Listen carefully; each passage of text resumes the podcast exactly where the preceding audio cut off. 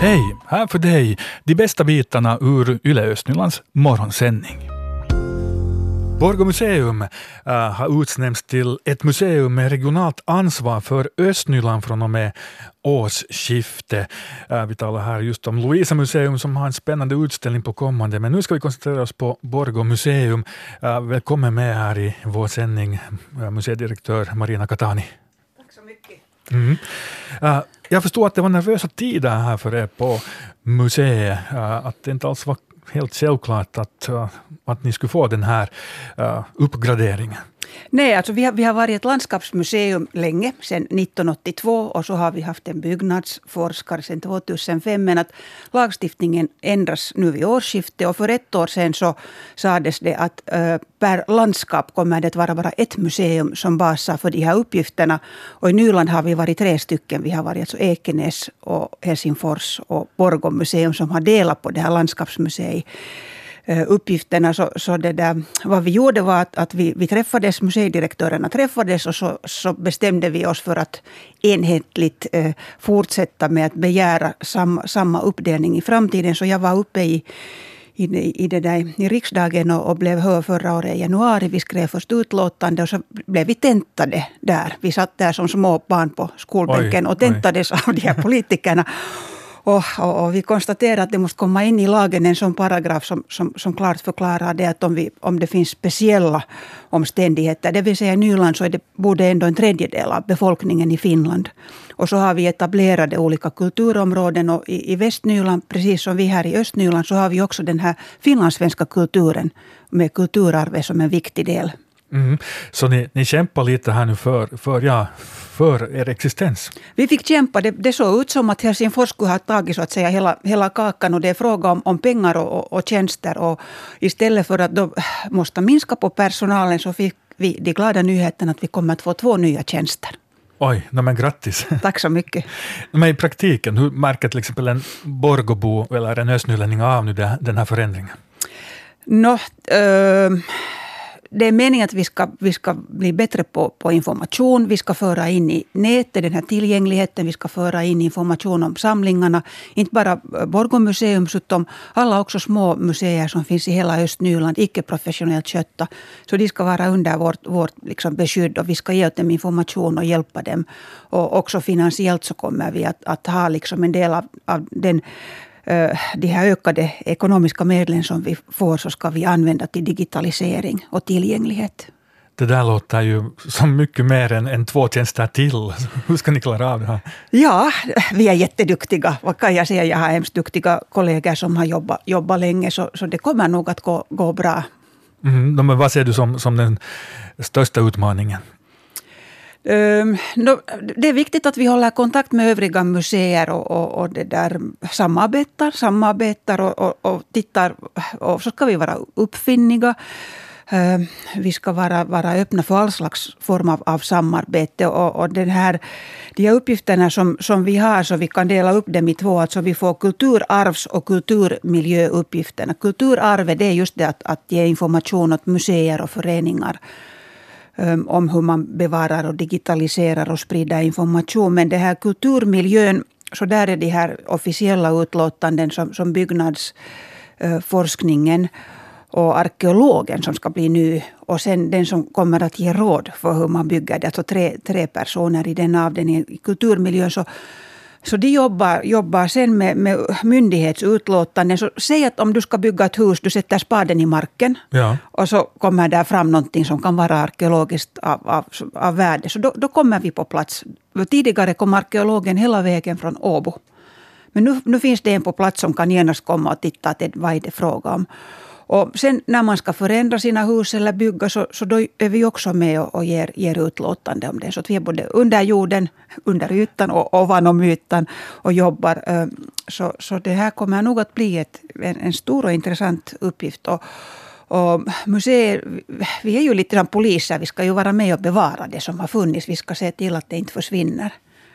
Precis, det är bra, bra det att ni, ni är, är sådana poliser och detektiver kanske ibland.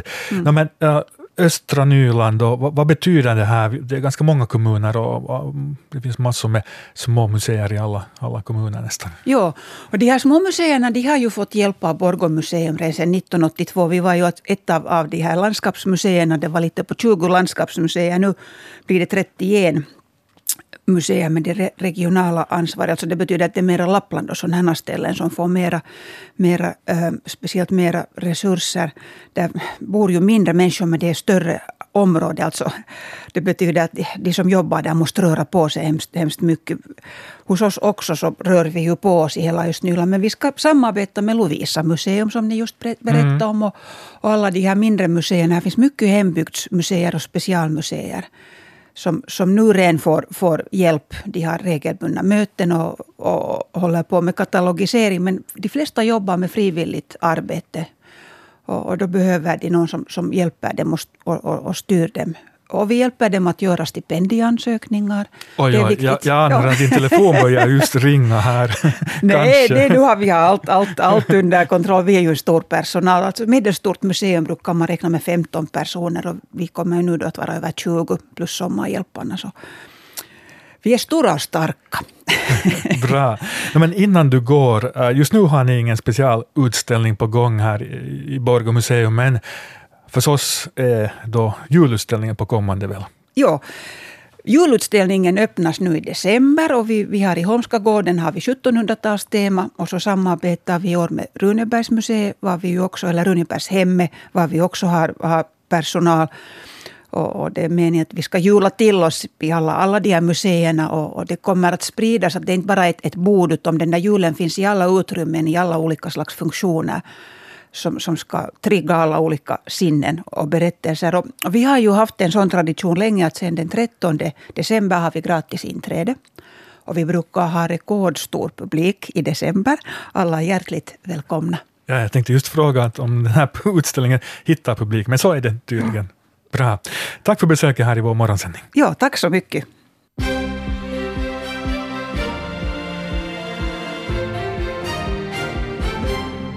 Du lyssnar till de östnyländska nyheterna då klockan är halv nio. Jag heter Fredrika Sundén. God tisdagsmorgon. Nya Söderkulla skola ska byggas vid Kompassgränden väster om Lärdomsvägens fastighet. Det är förslaget då Svenska utbildningssektionen i Sibbo diskuterar frågan ikväll. Enligt förslaget ska skolan ha parallellklasser för årskurserna 0 till 6 och den ska rymma cirka 280 elever. I det här skedet skulle språkbadsskolan däremot inte byggas eftersom språkbadet kan placeras i Siponlahden koulu. Tanken är att projektplanen ska bli klar under 2020 och att skolan ska planeras så att den kan utvidgas i framtiden enligt kommande behov. Ärendet ska sen ännu vidare till bildningsutskottet, styrelsen och fullmäktige. Nu åker Borgå stadscyklar i vinterförvaring men de kommer tillbaka nästa sommar. Det här skriver tidningen Osima.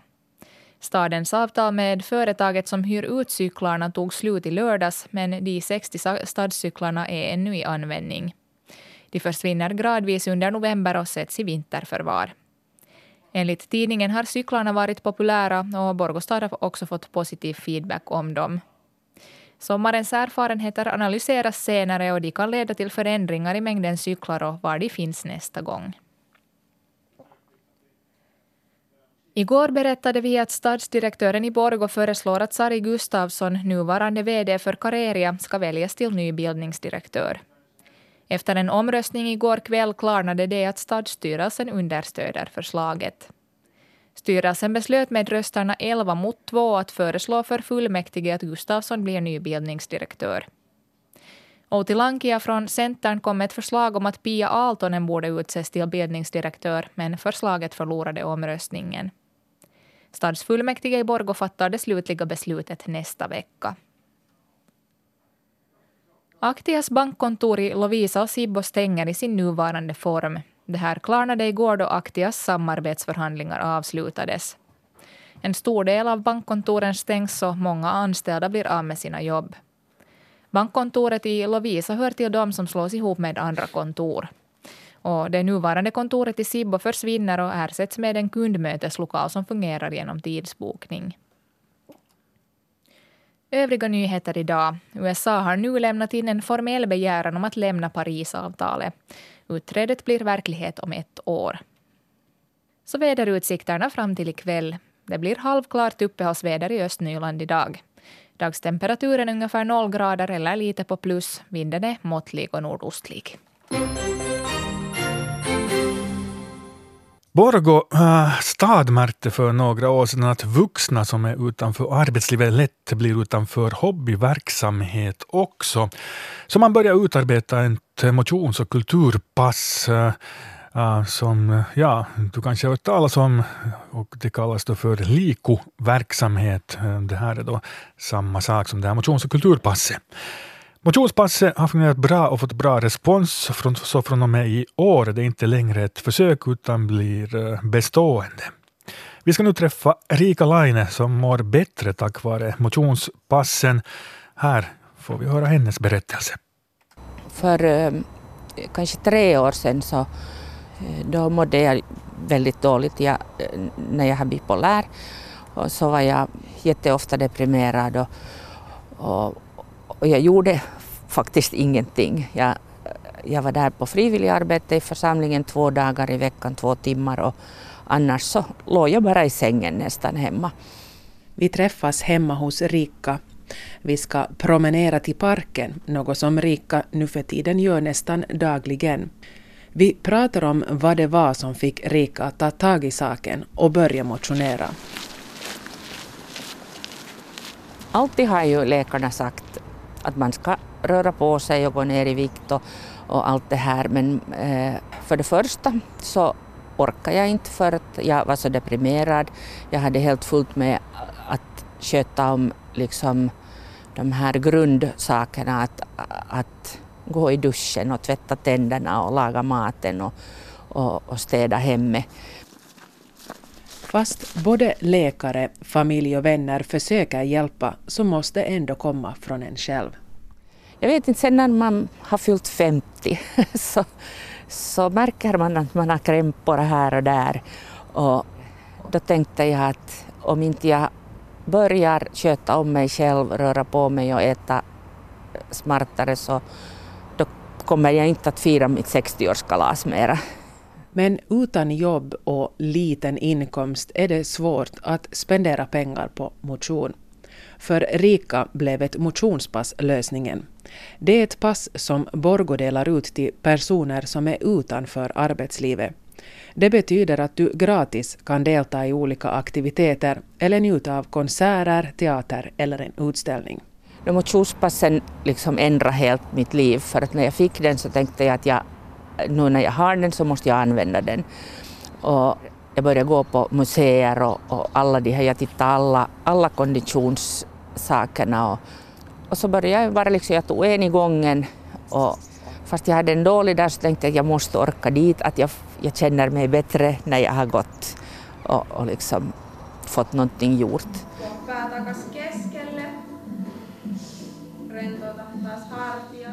Tack vare motionspasset kan Rika nu både vattenlöpa, yoga och gå på gym. Ja, jag mår mycket bättre. Jag gick ner 20 kilo då i början. Eh, jag hade tre blodtrycksmediciner och jag fick två bort och den tredje äter jag bara en halv mera. Så jag har fått liksom två och en halv mediciner bort för att jag har börjat röra på mig mera och, och gått ner i vikt. No, det har ändrat helt. Liksom, alla mina släktingar märker det också att förut så var jag bara hemma hela tiden.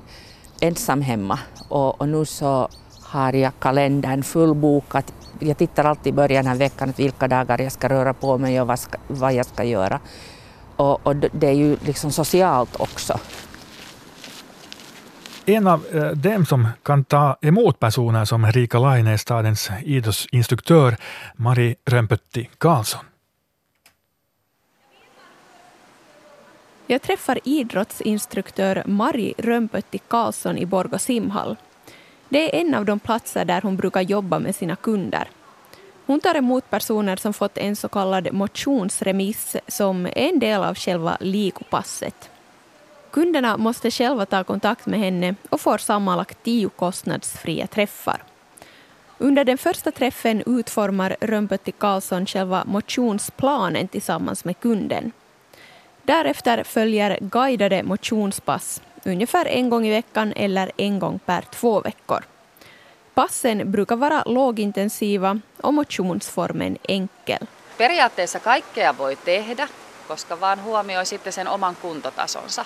Mutta ne lajit, mitä mä yleensä mun asiakkaiden kanssa teen, jotka tulevat minulle, niin on vesijuoksu, joka on hyvä liikuntamuoto aloittaa liikunta, kuntosali, sitten kävely, sauvakävely. Sitten mä paljon, paljon jumpataan erilaista jumppaa, eli just tämmöistä kehonhuoltoa, niska, hartia, selkäjumppaa, tämmöistä vastaavaa. I princip kan kunderna utföra vilken form av motion som helst, så länge den egna konditionsnivån tas i beaktande, säger Rönnpötti Karlsson. Motionsformerna är oftast vattenlöpning, stavgång och gymnastikpass.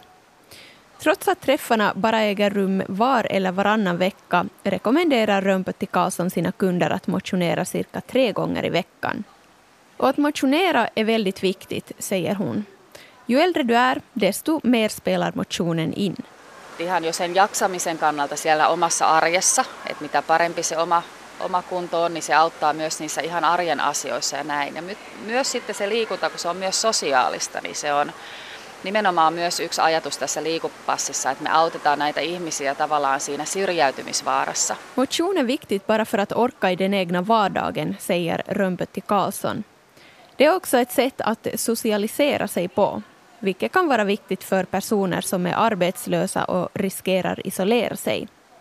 Och när de väl kommer igång med motionen brukar resultatet också märkas. Kyllä niitä tulee niitä tuloksia. Että niitä kaikista parhaina on se, että sitten kun me ollaan käyty ne meidän tapaamiset loppuun, niin mä näen, että ihminen on liikkumassa omatoimisesti. Se, sehän on se tavoite myös, että me saadaan se liikunta sinne asiakkaan arkeen ja saataisiin se niin, että se jatkuisi myös sitten omatoimisesti, kun meidän tapaamiset loppuu. Det bästa är när man ser att kunden också börjar motionera på egen hand efter att träffarna slutat, säger Rönnpötti Karlsson. Och det är också målet med själva träffarna. Och det här det berättar Hedvig Sandell här. Äh, det var hon som hade träffat Marit Rönnpötti Karlsson, idrottsinstruktör här på Borgå stad.